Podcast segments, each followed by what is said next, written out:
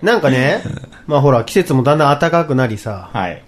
なんかいい服ないかなって。はいはい。なん最か、近ね、すごい、なんかね、寒暖差が激しいですからね。そうだね。夜は寒いしさ、だからなんかいい服ないかなって。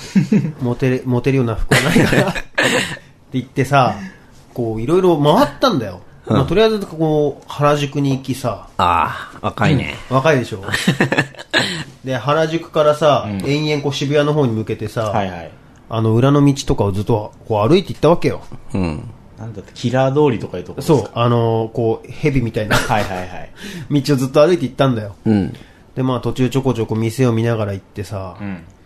でもなんかほら、ちょっとブランド物とか着るのは恥ずかしいじゃうん。ん。なんかさ、あまりにブランド物うんうん。エイプとエイか。プって書いてあるやつとかはまだちょっと早いなと思って。早いね。逆にそれ、 志村けんみたいな。こうこうならありってこと そう。やっぱそれはもう本当に二号さんに声をかけてもらってから だな。って思って、まあそういうのはちょっとまあさ、なんかブラーっと見ながら歩いてたんだけど、まあさ、着れる服がないのよ。で、最終的にユナイテッドアローズとかさ、こうジャーナルスタンダードとか さ、うん。まあいわゆるセレクトショップみたいなとこ行ったわけ。うはい。ん。でさ、そういうとこ行くとさ、こうなんかこう、まあ大体、1個や2個あるよ。着れそうなものとか。うん。だけどさ、みんな T シャツとか V ネックとかなのよ。もう U ネック、V ネックみたいなさ、どんだけ鎖骨出すんだよっていうさ、七分丈とかやろ。とか、そう、あ、いい色のシャツだなって思って見るとさ、すげえ七分丈とかでさ、七分だけど、本当におしゃれな人しか無理だよね。無理でしょ着こなせないよ。あのね、これの、これの長いやつないですかねみたいなねっていうことになるじゃん。でさ、だから俺なんかさ、それ見ててさ、あ、もうさ、俺っていうものの需要はもうないんだなと思って。 もうさ、この俺のセンスみたいなものとかっていうのは、もう需要がないんだなと思ったのよ。なんか、もう世の中が完全にずれちゃってるな。あそれだからでももう原宿に行くけんダメなんじゃないどこ行ったらいいのみんなどこで服買ってんの巣鴨とか行けばいいんじゃない巣鴨か。いやでもさ、違うの。やっぱりだから俺のこのセンスっていうのはトランクスとともにさ、死に、死にゆくセンスなんだなって思ったわけよ。なるほどね。そうなのよ。確かにななんかこう、アレンジしてあるよね。アレンジしてあるよね。そう。なんかもうリミックス版しかないみたいな状態。あ、そうそうそう、そういうこと、そういうこと。なんかさ、あの、別にそんな突飛なね、こう、すごいチンキな服を着たいとか、だからガチモテしたいって、まあ、モテたいっていう冗談で言ったけど、そんなんじゃなくて、まあ、日常的に着れるものが欲しかったわけよ。けどさ、それがもうないっていうさ。そうね。だから、もう俺の需要がない、もしくは、もう、あれだよね、こう、そういう店が、実はさ、20代とかに向けて作ってたりするからさ、うん。もう本当におじさんになってきちゃったの かなって。いや、わかるわかる。まあでももうおじさんですからなね。んですよ。おじさんってどこで服買う の青木、青木とか行けばいいのそこまではでも。なちなみにちょ、ちょい上のさ、実はちょい上の神田くんとしてはさ、いつもさ、僕はね、もう、あれなんだよ。本当親父になったなと思ったのが、うんおっさんになったなと思ったのが、もう気に入ったやつを何個も買 う。もうそういうスタイルなのとして、もう、3枚4枚買う。靴とかもあーすごいねだ、コンバースのく黒いスニーカーを3つぐらい買って、ずーっとそれでいく。っていう方法だね、あ、もうスティーブ・ジョーズみたいな感じになってきてる そう。そう。でもね、あのー電気グルー、元電気のマリン。はいは。はいい綱原さんもずっと同じ服着とってあ、そうで、あの、ステージ衣装とかもうんずっと一緒なんよ。なんか、あの僕はミニマルミュージックをやってる人間だから、そういう服とかもずっと一緒なんですっていう。なる ほど。マジでせ生活からミニマルはいはいはい。にやってるっていうね。何それそういうなんか、かっこよくない じゃあ神田くんもミニマル。俺もそうしよう 俺もこれから聞かれたらそうするわ。 ミニマル。ミュージックやってないのに。ミニマルミュージックやって。やらなきゃなあ、そう。なんかそういう理由があれば逆にいいわけうか。ん。いや、なんかさ、寂しかったよね。ああ、こんなに、結構さ、3、4時間ぐらいうん。こう、ブラブラ散歩がてら、もう散歩がてらっていうのがなんかもうおじいさんみたいだけ ど、こう、散歩がてら結構探したんだけどさ、まあないわけ。で、途中でさ、ちょっとこうさ、ナイキのさ、ハイファイなスニーカーとかちょっと一瞬履いてみた りしたのもう鏡の向こうにはもうわけわかんないやつがいるわけよ。なんだこれっていうさ、もうだから さ、ちょっとこれはないなと思って、あのーまあね、これからちょっと新しい、そういう神田君的なスタイル を身につけていかなきゃいけないから、そうだね。最終的に無印良品で白いシャツ買って帰ったからね。原宿行かなくてもよかった。よか ったっ。て。むしろ電車代だけ損してんじゃねえか っていう感じですよ。なるほど。俺も、先、先月 かな先忘れちゃった。 もうおじいさんの会話。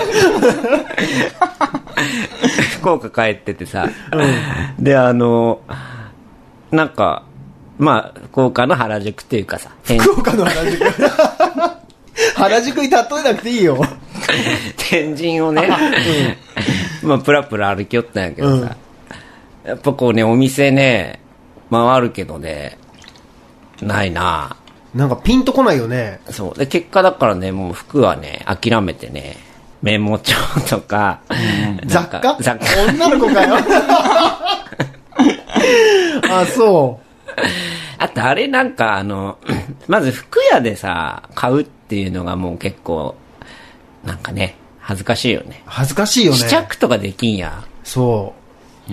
まあ、俺、俺は頑張ってするんだけど、なんかあの、店員の目を盗んで試着する感じシャツとかをさ、さって羽もう万織って引き感覚だよ もうダメだっていうさ、気づくなっていう感じよね。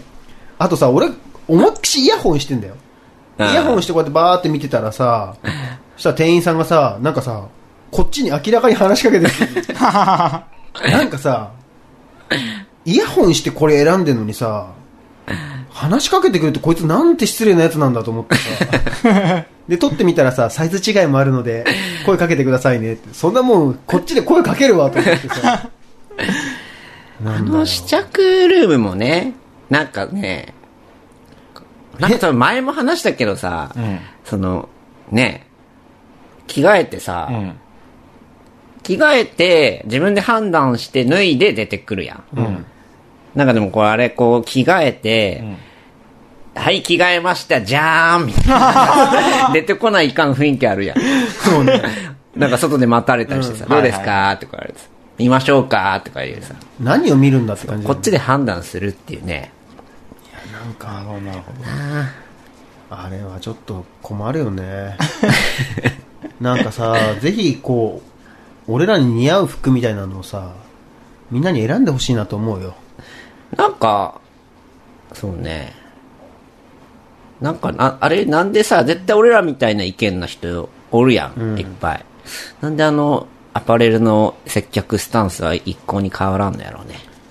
いや、だからアパレルの人たちはちょっとなんか、あれなんじゃないかな。あの、もうほらさ、いけてるからさ、なんかもうリズム感とか全然違うとこで暮らしてんだ よ。きっといや、あんな感じなんないでしょ、だって。え、でもな、歩合制とかそういうことじゃないよね、だって。じゃないもんね。あなんでさ、だってさ、店員さんすげえ感じの格好で、ね、店にいたりするじゃない、ん。なんかそんな格好したくないし さ、そんな奇抜なやつになりたくないよって思ってるわけじゃん。はいはい。なんかその辺のおしゃれの具合って不思議だよね。あ。自分の、あれ出すやつ俺はね。そう。僕もそれ持ってるんですけど、僕はなんとかと汗たりっていう。そうそうそう。 ワンサイズ大きく、あの、大きいやつを買ってみますね、みたいな さ。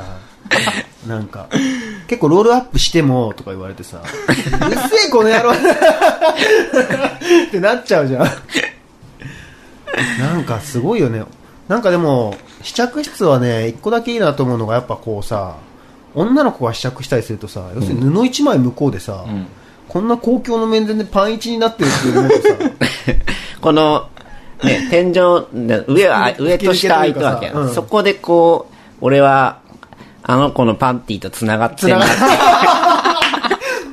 ンテ人と同じ空気を吸ってんだっていう さ 大きく深呼吸してみたりするよね。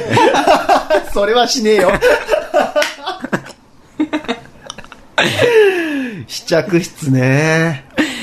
ねえなんかだってすっげえね、可愛い子とかでもさ、だってみんなあの中ではパンイチになるってことでしょそれは素敵やね。それなんかグッとくるよね。ちょっと目を凝らして見てみたりするよね。後ろからすごい光を当てたい。 はい、というわけで、はい。はい。じゃあタイトルコールいきますか。はい。はい。えーじゃあ、アナ・オクバと、サブカルチャー潜水のレディオレックス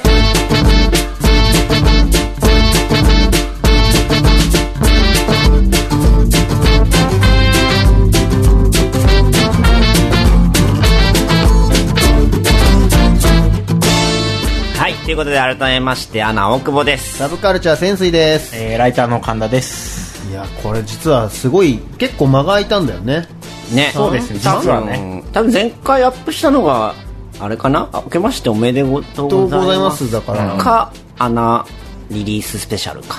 そうだね、そう。それぐらいな感じだよ、ねうん、だから、まあ、1月2月とか収録で言うと1月撮ったきりだったからですかねそうそうだね。何気にもう4ヶ月とか か。ですすごいね。特番みたいな感じだったんです一回終わったんじゃねえかみたいなね、感じはあるよね。 まあほんすみませんお待たせしましたっていうことでねそうですね。ちなみに、オープニングトークの続きだけど、はい神田君はライターやってるけど、なんかあれなんじゃないの、こうはいファッション誌とかさ。ファッション誌は本当ね、一回も声がかかったことないですね。そうか。ファッション誌ってさうん。やっぱり何そのおしゃれな人が書いてんのうん。おしゃれな人が書いてんの卑屈もいいとこでしょいや、やっぱ人種違うよ。あ、そう。あ全然違うと思う。いや、それこそだから、服屋の店員みたいな、そうそうそうそう。感じのそんな感じの。編集部にスケボーで来る感 じそんな感じだね。あー、メニューか BMX みたいので、こう、あれでしょそうそう。こう、キキキってくる感じでしょそうか、じゃあ、ちょっと神田くんに、ファッションの記事を書かしたいっていう人は、ぜひ連絡くれたそうら。ですね。ぜひ書きたいですね。ー乗ってみればあの原宿とか奇抜な格好して歩い てストリートスノーそのさちょうど俺先週また帰その福岡戻った時に、うんうん。実家のね、その、部屋が、そのもう高校時代のものとかいっぱいあるんやけどさ、うんそのメンズノンノ おー。ンの90年代のがいっぱいあってさ、へーもうやっぱ表紙がね、武田真治、あー。その次のこう、石田一世とかね。あー、ななるるほほどどね。ね。で当時の本当にあの、原宿、はい。あとまあ名古屋とか、はいはいはい地方、仙台、福岡とかの、その、ファッションスナップ。そう、ストリートスナップ。で、今、今月の大賞みたいな、でっかく載っ あんたが大将。 そういうのあるんやけどさ、もう結構90だから、6年とかかな ?6、7年の、もうね、そのストリートのね、対象のやつらとかね、もうギャグみたいな格好のやつらが ねあ、そう。嘘だろっていうのは。いやーでもあれに乗ってけんのは、俺、偉いは偉いと思うよね。あんな格好で歩くの、俺、罰ゲームとしか思えないんだよね、もう。いやーでも90年代は古くならないと思ってたんだけどな今見たらやっぱ古いよね全然全然古いよもう20年前だからねそう90年なんてね25年前とかか、そうだよそうだよ四半世紀ですよ。やばい よはいよねいやそりゃ着れる服もなくなりますよ 四半世紀前と同じような音楽やったり、センスを貫いてるってやばいてやよばね。いよ ね何が90年代が落とした一粒のティアだ ってそりゃ解散もするわっていうさもう乾ききってるはずやけそどう。 カッスカスだよねですよまあそんなわけで久しぶりなんですけども、はいはい今日は何をやるかと言いますと、はい、うんまあこの久しぶりにね空いたのでうん。この4ヶ月の間何をやってたかとそうね。いう話をまあ一人ずつちょこっとしていこうかなと思ってますよ。まあそもそもなんでこんな空いたかっつうと、まあ僕はね、あの、リリースアルバムがあって、はいツアーがね、ちょっといっぱい入ってたんで、そうです。まあ来てくれた方はありがとうございます。はいで、はい各地でもね、結構、あの、ポッドキャスト聞いてますって言われて、おそうなんです。あのーこう今日撮ろうって、いや、早く撮んなきゃって思ったのはですね、やっぱ会場で何人かの方にですね、んうん声かけられて、うんうん。もうやめたのかと。 どうなっとるんだ と。しかも今日は会場には神田くんも来ていないと。東京ツアーファイナルね。ツアーファイナル。 あんなに3人で喋ったうちの1人が来てい ないと。これはもう、ごこめれんなはさいもう中田が以外のな何者でもないんじゃないか と。いう話をされましてですね。はいはい。いや、そうじゃねえそうよ。じゃないですよね。話になったので、まあちょっと久しぶりにやろうかと。はいはい。そうですね久。しぶり、そしてこれからはコンスタンスにまたちゃんとやろうち。ゃんとやろうと。話になってですね、今日やりますよ。はい。まあ、ツアー各地来てくれた人にも、お礼を込めて、はいアナの、はいそのライブ音源をから、お一ー曲、豪華だね。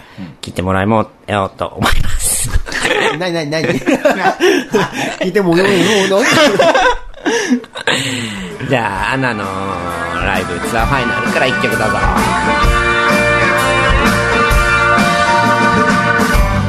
誰かが集めた落ち葉蹴っ飛ばして歩みを進めるだろう過ぎ去った日々が遠くまで見えるほど澄んだ空気の中で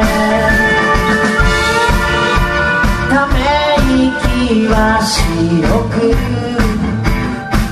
濁り月はまぶたを開くようにゆっくりと満ちているのがわからない心は今はまだ「かけたままでいいのさ」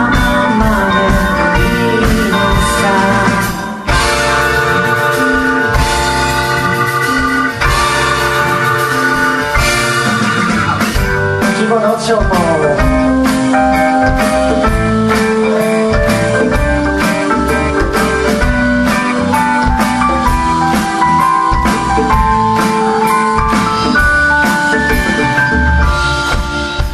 慣れない手つきで暖を取ろうとして寄せ合った心ゆっくりと離れてくのさよりがここから今はまだ眺めているのいいだろうゆっくりと満ちているのがわからない心は今はまだかけたままで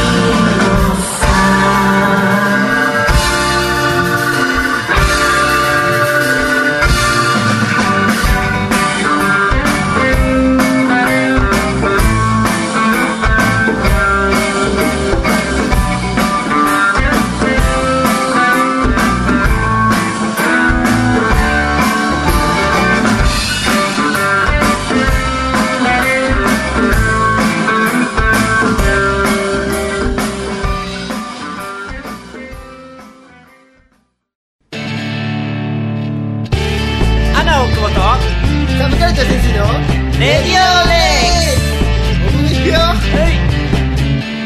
パララパララパライ当時ただより、パララパララパうん、で、ラ MC モニカの自由形はい。はい。もう帰ってきたをつけた方がいいんじ ゃないか。感じです。まあ、個々のね、話をする前に、うんあの、久しぶりのコーナーが帰ってまいりましたよ。はい。はい。というわけでございますよ。MC モニカ。モニカ。 まあ、後で話すんですけど、アナのワンマンでも大活躍でしたよね。まあ、大活躍なの か。まあ、モニカなのかどうかはちょっとわからないですけどね。はいはい。はい。はい。ですかね。まあ、あの、久々なんでね、衰えてなければいいですけどね。そうですうね。ーん。でもなんかほら、去年末ぐらいから結構不調やったけんね。そうね。なんでこう、あのーちょっと置いて、そうだね。ちょっとこう充電充電 して、いい感じになったかもしれないね。なるほど。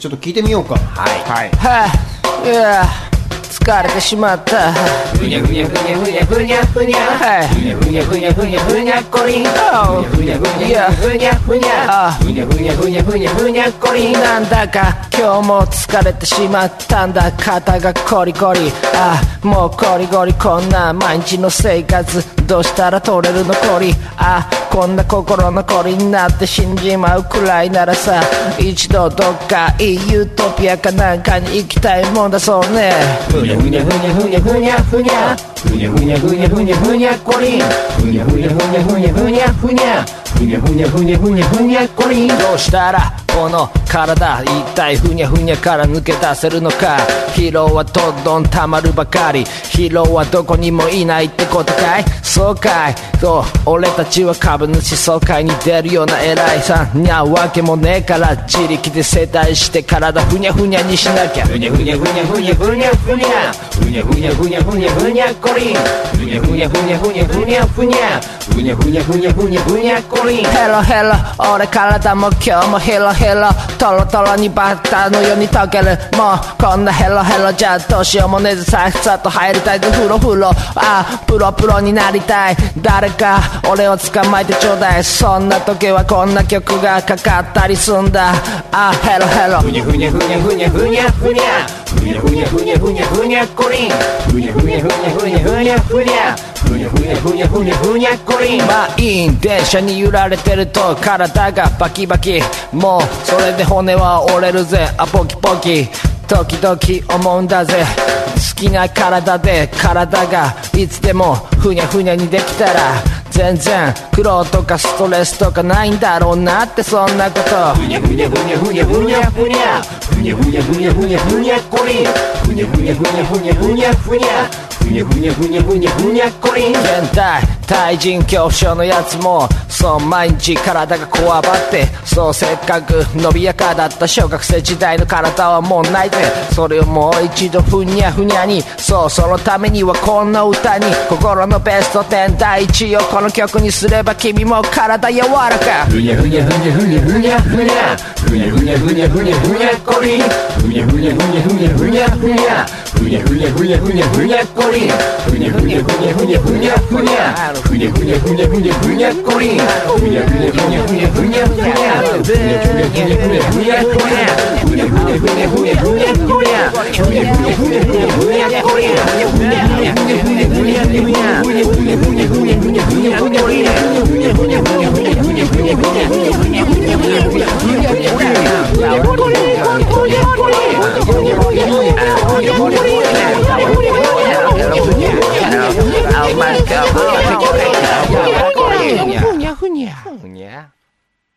どうすかね。 なんかでもこう、リズムとかさ、ラップ、なんだろうね。なんか、ちょっとの進化してはいるんだノけど。リは一番、あれヒやっッたプね。ホップっ一ぽい番感じ。聞けるというか、なんかなんというか。そんなに凝ってんのか なすごい、なんかふにゃふにゃさせたいみたいだったけ ど。ね陰の、陰の踏み方が、あれやな、基本、ふにゃとかさ、ポキとか さ、コリとかさ、擬音擬音でしか陰を踏まな いって。これなんか多分ね、フリースタイルと思われん気がするな。え。あ、そうだよね。うん。なんかちゃんと考えてきたやつ。逆にちゃんと考えてきた割には練りが低そう い。。クオリティ低いラップって思われるから、やっぱりこう、もうちょっとね、次回はちょっと、すげえパンチのあるビート送ってみるわ。なんかもう、そろそろ、だって、2年近くやりようけんさ、なんだろうね、別にこう、ヒップホップ的なものじゃないものでもいいんじゃないテクノとか ね。とか、もう、それなんならメタルみたいなの渡して みるああ、それもいいかもしれないね。まあじゃあそんな感じで。はいうんまあでも、親分これをね、普二日あの、モニカさん2日であげてくれたので、おー そこは買ってあげたいなとはい。はい思。ってますよ。はい。じゃあ、そんなわけで MC モニタの自由形でした。アナ、奥本、サブカルチャー先生のレディオブレイあああ少しも寒くないわレディオレックス2014年春の出来事ははい、春の出来事ですよ。い。はい。まあ、すげえざっくりした企画だけ どもまあね、あのー言わせてもらいますと、アナのはい。ツアー2014年の出来事が、はい。えー、先月。先月か今月 もうおかしいよな。もうみんな時間感覚がおかしくなってるから ね。さっきね、そうあの、ちょっと神田くんは、え、今2015年だよって言ってたなんか一歩も引か ない感じですげえ言ってしかも、俺らも不安になってく る。あれ、俺、ツアータイトル間違ったかな まあ、それがね、結構あやってましたんで、はい。はいまあ、。それになぞらえて、それぞれね、春、この春何をやってたかはい。話していこうかと。を。ね、さすがに3ヶ月もあったんで、いろいろ。そう。あるでしょうと。ちなみに、じゃあ、まずは、一番でかい話からいくそうしますかうん。まあでも、ボリューム的にもね、はい結構いろいろあったんじゃないのそうです、僕はもう、言ったらだから1月末に、んもうはい2月にリリースしまして、うん。そっから、まあ、そうだよ。だって、レディオレックスの収録もあったんだよ。そうなんだよね。阿佐そうヶ谷ロフト。まあだからそのね、来てくれた方もありがとうございますですし、がとうございまそすうですね。でも俺なんか、あの日ね、あの僕も出演者として出て、うん。あの、出演者って言ってもね、トークショーみたいな感じだけど本当にオールナイトでやったもんね。そうね。俺も神田くんも出て、うん。出た出た。モニカも読書もあり、リリースして直後のイベントがあれだったけど ね。そりゃなんかどうなんだよってこ感のじもあ先けどうなるんだと思い ましたけど。スタート地点低いなぁでもなんか個人的には結構ね、 幸せな夜だったんじゃないかなって気がしてるんですけうど、ん。うん。楽しかったよ、ね。楽しかった、楽しかった。プロデューサーの上田くんも京都から来てくれて、そもう、モニカの、オミトに。う。 そう、オミトって言ってみんなわかんないと思うんです けど、なんか、あの、親くんが、こう人と人はもっとしっかり話さなきゃいけないっていうことですね。なんか考え出したダイレクトコミュニケーションマシ ーン、オミトっていうのがあるんですけど、それの簡易版っていうのを披露したりしてね。 でも突然もう、あれね、朝の4時ぐらいに、それのプレゼンをしだして、アナのアルバム買ってきたお客さんに対してね、そうなんです。もうポカーンだよ ね。あれって。何しに来たんだっけ今日ってなっちゃうよね。 え、これ買わされて終わるのって。 まあそういう夜があってね。はいはい。そその後は、あの、まあプロモーションで、久々に大内と二人で、う。裸で。大阪、福岡はいとかね、うん今回は本当にね、丁寧にラジオ、FM あいっぱい出とったよねほんそとう。しかも今回 AM もね、いっぱい出してもらってね。うんあそうなんだやっぱ AM の方がちょっとこう、大阪 NHK とかも出たし、うんうんうん。福岡もなんか AM ラジオ出してもらったり、ちょっとね、AM の方がやっぱこう、なんだろうね、む難しいっちゃ難しいじゃん。あ、出るのかってことね。 FM はやっぱその音楽主体やけんさ、ミあーュージシャンだと出やすいんやけど、そうそう。それもあったり、東京だとね、あの、 J-Wave とかね。 JWAVE の朝の、別所哲あ也。別所哲あ也。それだ。よあかのっ、た。別所さんの番組も出してもらったり、はいそう、なんか久々にラジオプロモーションやってね、うん。でもね、レックスでやってたことがね、生きた。生きた。生きたなって。生きたのかでもなんかすごい、喋り慣れてますねって言われて。あ本当いろんなあそうとこで。うん。どっから良かったですよ。今回だって初めて、ラジオでギャラをもらいましたからね。あ、すごいね。そう。そうか。出演で。はいはいはい大体プロモーションはまあね、そうだよね。もらえないんですけど、なんか、まあ、プロモーションも兼ねた、なんかその番組の出演があって、30分ぐらい喋って、うんうん。はい、お金って言われて。あ、そすごいね。う。それは俺たちも出たかったよね。まあそのプロモーションも行 きの、でその後はインストアライブ。インストアも結構やってたよね。東京だけでも渋谷東京はいや渋で谷もか。渋谷、もうタワーレコードのみなんで渋谷、あと梅、梅田かな大阪。うんとあと福岡。そうか3。店3舗箇か所な。。うん。なるやほどったりね。ね。久々にサイン会みたいなのやったり、サイン会どうだったのいや、サインしまくりましたよ。あ、そう。あの、握手会とか。 握手会やったことある握手会。ないよ。ない よ。俺握手会の話来たらちょっと断るよ、多分。 あ、そう。すごいね、もうアイドルだね。アイドルかないや、ちゃんと握手会の前の日は爪、爪切って。切って、綺麗にして。爪、爪かじって。で握手する前は、あの、唾を吐いて。で、握手し終わった後はもう舐めまくって、それを。もうすごいね。すごいプレイに出てるね。まあ、それを終えて、えー、ツアーっとね。ああ。いやーでもなんかね、頑張ってたね。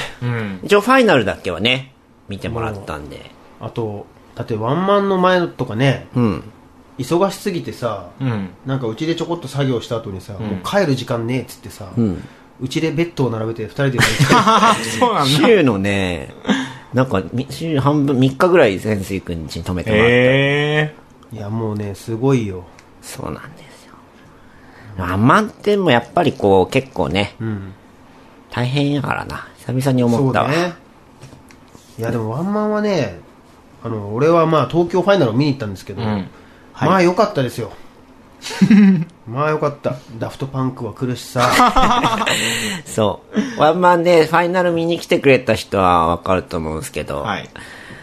まあ最後ね、ね MC モニカな、なのかわかんないですけど、モニカっぽい感じの人がね、 あれでもまあね、あのー言うとモニカなんですけど、あれ、モニカはね、あのーあれなんですよ。何かやっぱこう一緒やりたいなと思って、レックス周りとは。で、なんかこう、 モニカに、ファイナルワンマンで、なんかやってよ、つって、軽く吹っとったっちゃん。そう。で、なんか、わかった、つって。で、前日ぐらいに大口と、明日モニカにこうなんか、アンコール前とかになんかやってもらおうかなと思っと、じゃあねって話をしたら、いや、なんかこう、結構今回のツアー、あの、結成じゃないけど出会いから20周年とかもあって、思い入れが強くてさ、大内特に。うん。なんかこう、いや、なんか記念すべきワンマンの最後で、だだ滑りしたくないっちゃけど、って話言われてみるとそうだな、って。で、その話を受け、一方その頃 ですよ。私の方はですねそのモニカと、ナスに日帰り旅行に行ってたんですね。はい。で、その時にですね、大家くんが嬉しそうな顔で、先生、これヤフオクで落としたんだよって言って、剣道の面を、ごそごそと出してきて、それ銀紙が貼ってあって、でこれダフトパンクって 言われてですね、で、で、あとなんか腕を長くしたはい変なやつを夜鍋して、裁縫してきたんですよ。わざわざユニクロで同じ色のシャツを2枚買って、もう嬉しそうな顔、これやばいでしょ、これ、とか言って。ナスの、ナスの蕎麦屋の前で、延々見せびらかしてたんですよ。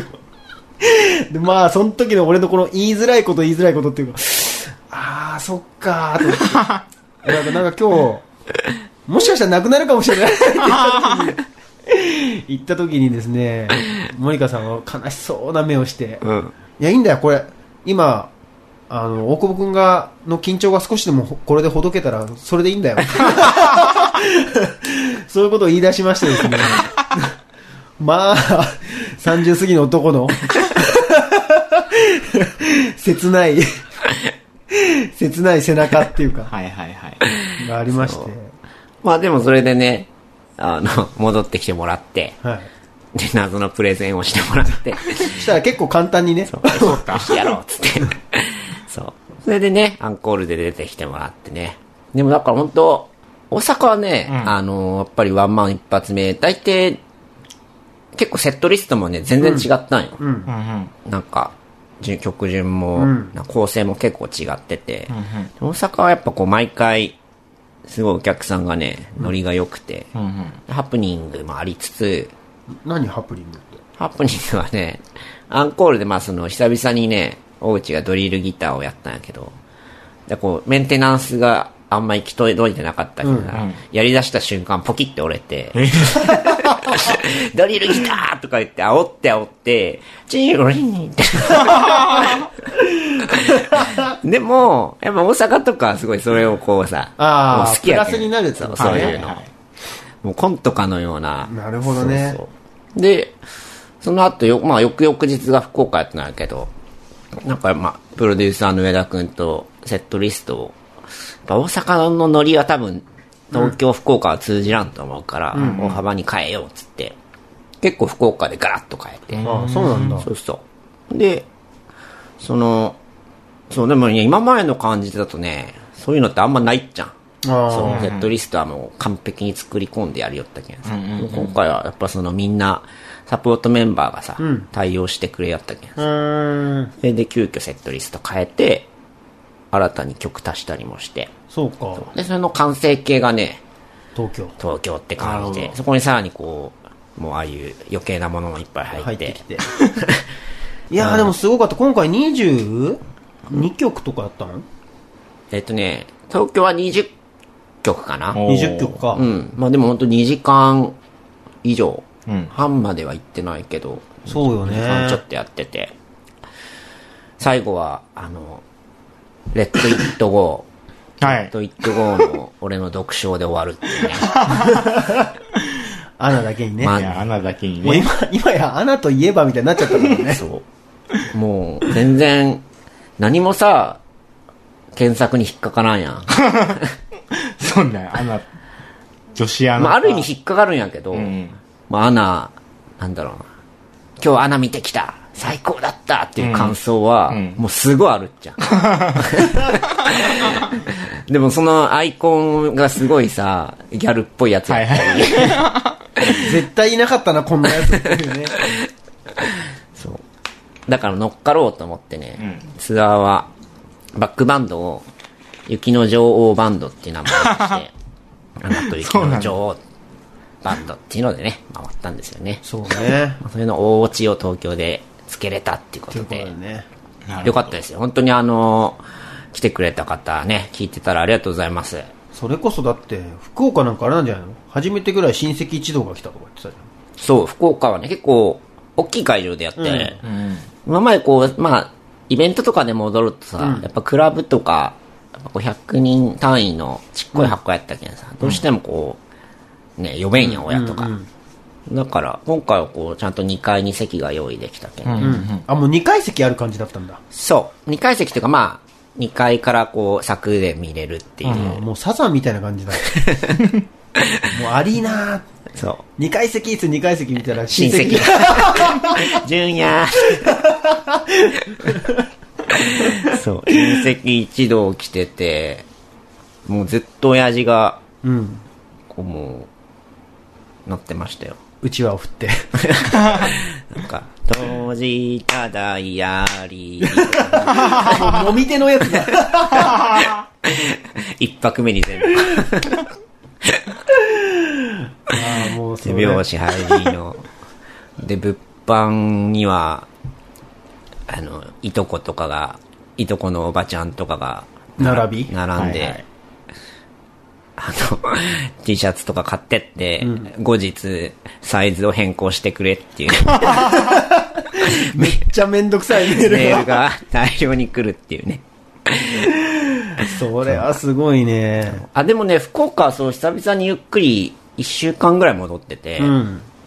そう、久々になんかね、そのさっき、副会に行ったりとか、天神を歩いたりしたんやけどね、なんかね、同世代の友達とかがね、いっぱいお店を始めたりしてて、31、2で。すごいね、面白いなと思った。やっぱり。あうんなんかやっぱね、あの、まあ、家賃が安いっていうのが多分大きくて、結構面白い、なんだろう。東京で店出すっつったらさ、結構な覚悟を決められないから、そうだねや。し、やっぱもう半年でなくね、なってたりするけど、福岡は本当に俺今回行ったのは、なんだっけ、リンデカトナージュっていうね、うん。手紙の専門店。へえ。紙と、それ、そこの紙にはこのペンで書いたらいいとか、そへの専用のペンを用意してあったり、万年筆があったり、あとは、なんだろうな。もうその場で手紙を書けるように、机が用意してあって、で、切手とかもちゃんと用意してあって、で本当に手紙を書くための、こう、一式、あと活版印刷とかもできる。へそういうと、もうコンセプチュアルなお店とかがね、なんかしっかりこうあって、ーそうそれをまた同世代とかがやっててね、で、店員さんからもこう、もしかしてアナの人ですかって言われて、あそうなんですよ。つってよく。そうです、私 が。アナの奥保です。そうか、でもなんか、それはいい話だね。なんか、まあなんていうの、東京じゃなかなかできないことなのかもしれないね。そう、なんかね、そう面白いものが生まれやすいなって思ったのと、やっぱその、あ絶対的にやっぱこう、同世代がやってるっていうのが嬉しくて、でただその人たちもやっぱここ10年、こっから10年が多分そういう地盤、こんうね、はこう発展させていく時期やろうから、そうだね。だけんね、こう、ライブでもね、福岡でね、もう勢い余ってね、あの福岡戻る気なんでって言ったんやけどね、なんか、まあそれに向けてこう、今後動いていけたらいいなと。いやでも福岡は俺もいいなと思うんだよな。行きたい。うん。週末旅行きますか福行き岡。ますか福岡。いいかもしれないですよね。飛行機の方がいいのかな福岡だったら。そうだよね。ぜひぜひ。そうね。なんかそう、今回戻って、まあ、3ヶ月に1回とか、サクサクっと戻ってなんかイベントとかやれればなとなるほどね。思ったんで、いやでもいいよ。いやでもね、本当にね、立派だったね。ワンマンツアーは。うん。なんかね、最後の本当に、その、見に行って、結構こう20曲とかをやってるじゃないですか。で、なんか何がいいかなと思ったら、やっぱりさ、こう、歌歌えるのがいいなと思って。こう、なんて言うんだろう。一緒に歌えるじゃないけど、んこう、鼻歌が一緒に歌える感じのライブなわけさ。なかなかないなと思ってさ。今はもう一緒に歌おうですよ。あなただけ。そう。でもなんかそれは本当にそう思ったよ。でもなんかこう、口ずさめる歌がいっぱいあって、あんないいなってありがとうございます。思いましたよ。っていう感じでしたね。はい。本当にありがとうございました。うん。まあ、神田くんは来てくれなかったけ どありがとうございましたということで、そりゃ口数も減るわ。感じですよ。はい。まあ、うん僕はね、そんな感じですけども、はい皆さんは、神田君は最近なんか何やってたの僕はね、タイムラインを見てる限りものすごい忙しそうな感じがあったけど。そうなんだ。出張がとにかく多かったね。えー、と、この3月。取材でってこと取材で。どこにいたのざっと。最初がね、香川県高松で、んその後、福井県おうの、えー鯖江っうん。ていうところに行って、で、東京一回戻って2日後から台北。っていうのがね、はいもうずっとあって流れとしてあって、うんで、それが終わったらその取材結果のやつを全部まとめて出すっていうのまでやってたから、それが結構もう、それがメインかな。この春は。うん。この春は。それはなんか言える、一個一個なんなのあ、言える。えっ、とね、 高松と福井はね、ケトルっていう雑誌の、本屋特集、本屋さん特あ集が今で出てるんだけど、うんそれの本屋さんを福井と高松に取材に行ってたっていうあ。のと、その後台北は今もこれも出てんだけど、台北本っていうガイドブックだね。それの取材で行うってまして。ん、高城剛的な 暮らしぶりじゃないですか。いやいやいや、もうね、でもね、たのまあ楽しかったね、でも。あ、よかったね。結構ね、ガイドブックがこう作られてるのかっていうのを勉強になったね。ああ、なるほどねめ。ちゃくちゃハードスケジュールで。うん。それは結構、どう、やっぱその、神田くんのカラーが出てるガイドブックな。そうだね。うん。その、サブカル寄りというか。うん、そうだね。サブカル寄りなんだけど、僕でもグルメ班だったかあ、そうなんや。ら、うん、だからまあ、基本的に飲食店ばっかだったんだけど、へーまあ、カフェとかもありつつ、1日ね、8件ぐらい取材があるのね。あーそれがもう、すげえスケジュールだなと思って。現地のコーディネーターさんとカメラマンと僕で3人で回って、それを10日間ぶっ続けて、続けて、んで、帰ってきて速攻原稿にするっていう、っなるほどね。ていう作業がね、ありました。忙しいね。本当にやばかったね。その、本屋うん。高松高松と、えっ、とね、福井。うん、それはな、何が、あのあれねな、の、なんか、独特な本そ屋があうる、。高松はね、宮脇書店ってわかる結構いろんなところにあるチェーンあのあ、本はいは屋いさはい。んなんだけうど、ん宮脇書店の本店があって、本店は、あの、観覧車があるんだよ。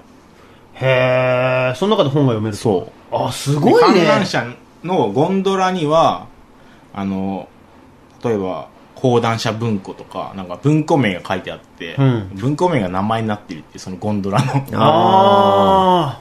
要するに、1号ゴンドラとかじゃなそくうそうて、そう講談講談社文庫ゴンドラみたいそな。うそうそうそう本好きには、たまんないあれね、たまんない。そう私はな、それは。でも本好きだけど高いとこ嫌いって人にとって は俺ダメだね、その高いところ結構ねセレクトショップをディスってて面白かったねあは。へえ。のすごい、まあ、敷地でかいのよ、うん地方だからやっぱだからあのあえてセレクトしてないって言っててせっかくこんなに敷地あるんだからもう全部入りだと。そう何でも揃うっていうのはすごいキャッチフレーズなんだけど本ならまああそこで、まあ、いろんなものを見てもらって、まあ、そこで新しい出会い本とのを作れたらいいなっていうーなんかそれ素晴らしい話だね。そうだねセレクトショップって結構その趣味のお押し売りっていうか、そうだうんね。 そうだからさ結構だからそそんなの嫌だって言ってたねそのなるほどね。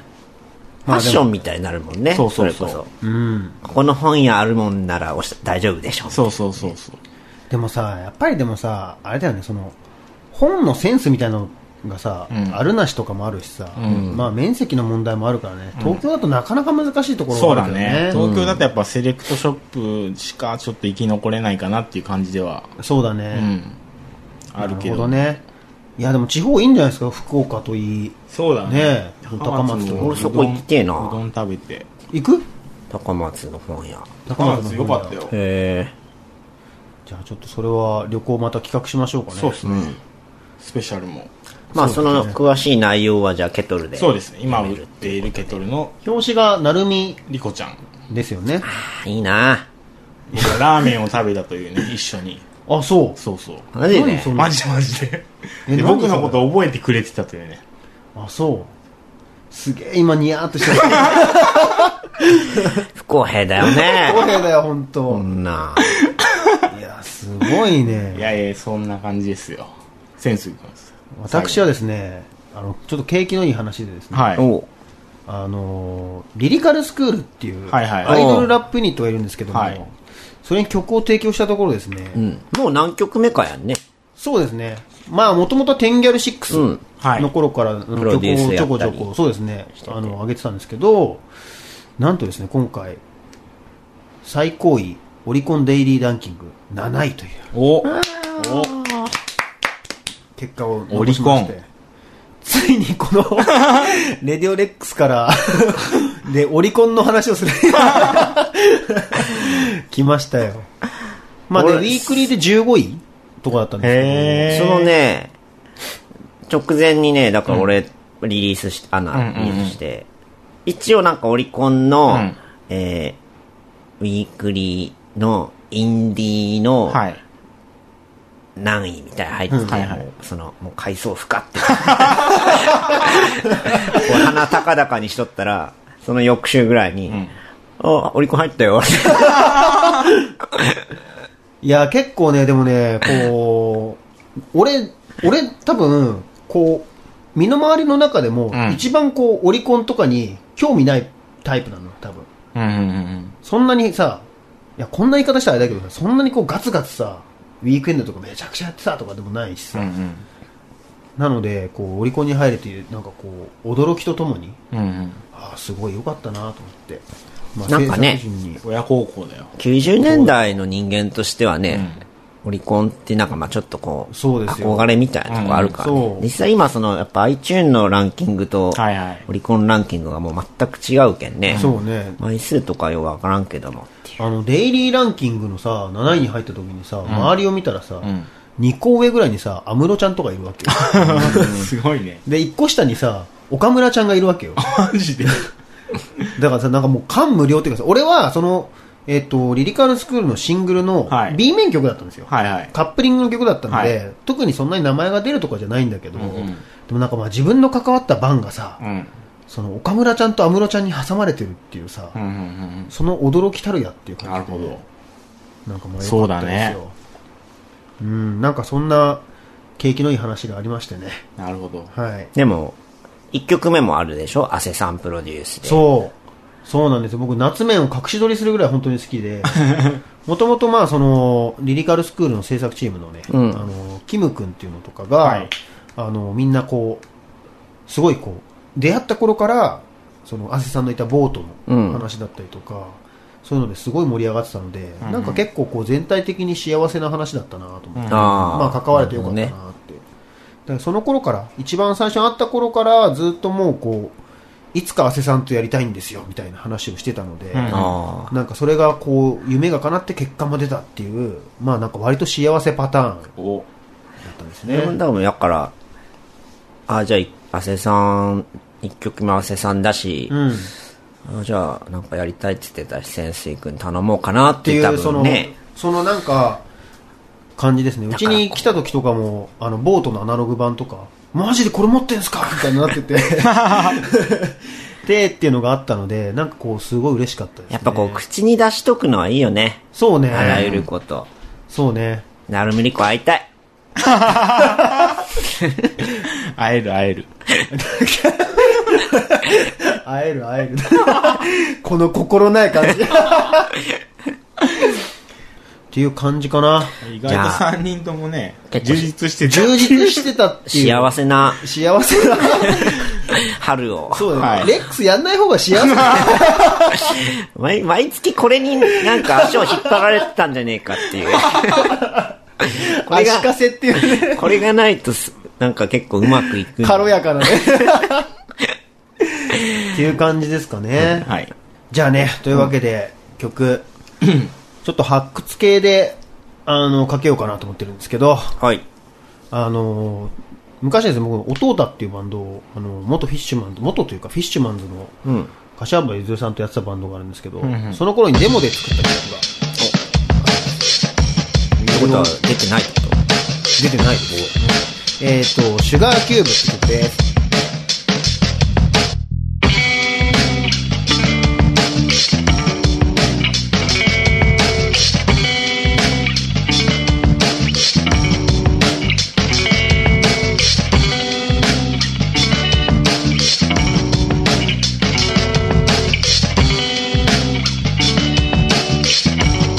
うん君と僕の暮らしぶりは二度目ほどけないままのテーブルの上たまにブラックじゃなくてカフェオレ真っ白ってわけないブラウンシュガーベイベー都合よく忘れて思い出してタバコ吸うから窓開けたら暑さで揺らぐ景色は真夏他に会えたりしないずっとでもね甘い山角がなくなるトロントロン溶けてなくなるいつの間にいつもいつでも回り出したテーブルの上甘い山角がなくなるトロントロン溶けてなくなるいつでも舞台四角形で溶けてまぶる、うん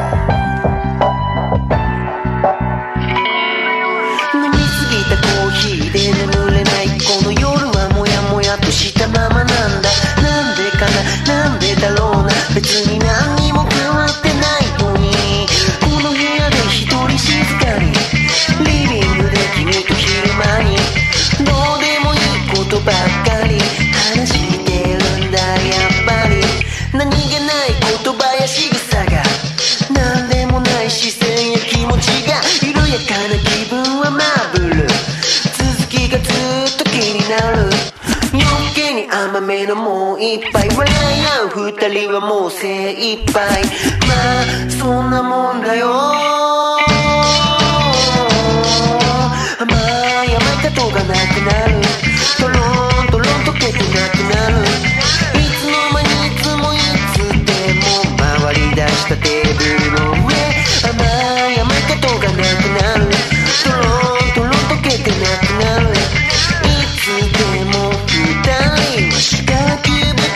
甘い甘い加糖がなくなるとろんとろん溶けてなくなるいつの間にはい、ということで、久しぶりのレディオレックス、どうでしたでしょうかは。ーいなんかもうね、うん、 3ヶ月ぶり ?4 ヶ月ぶりとかで、もう、なんか久しぶりだったけど、なんかあったんだよねいろいろこのなんか事件がねだってさ、そうね重かったサムラコゴーーチチ とかもさ、話したくてしょう がない内容の時そうだよねに、うちらね、ほったらかすっていう。そうだね。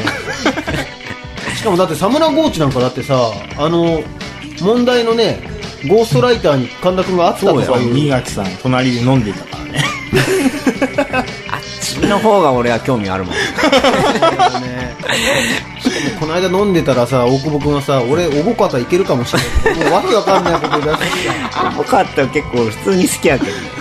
そんな話ないだろうと思ってさ俺あの鼻の穴がね丸見えの人好きなの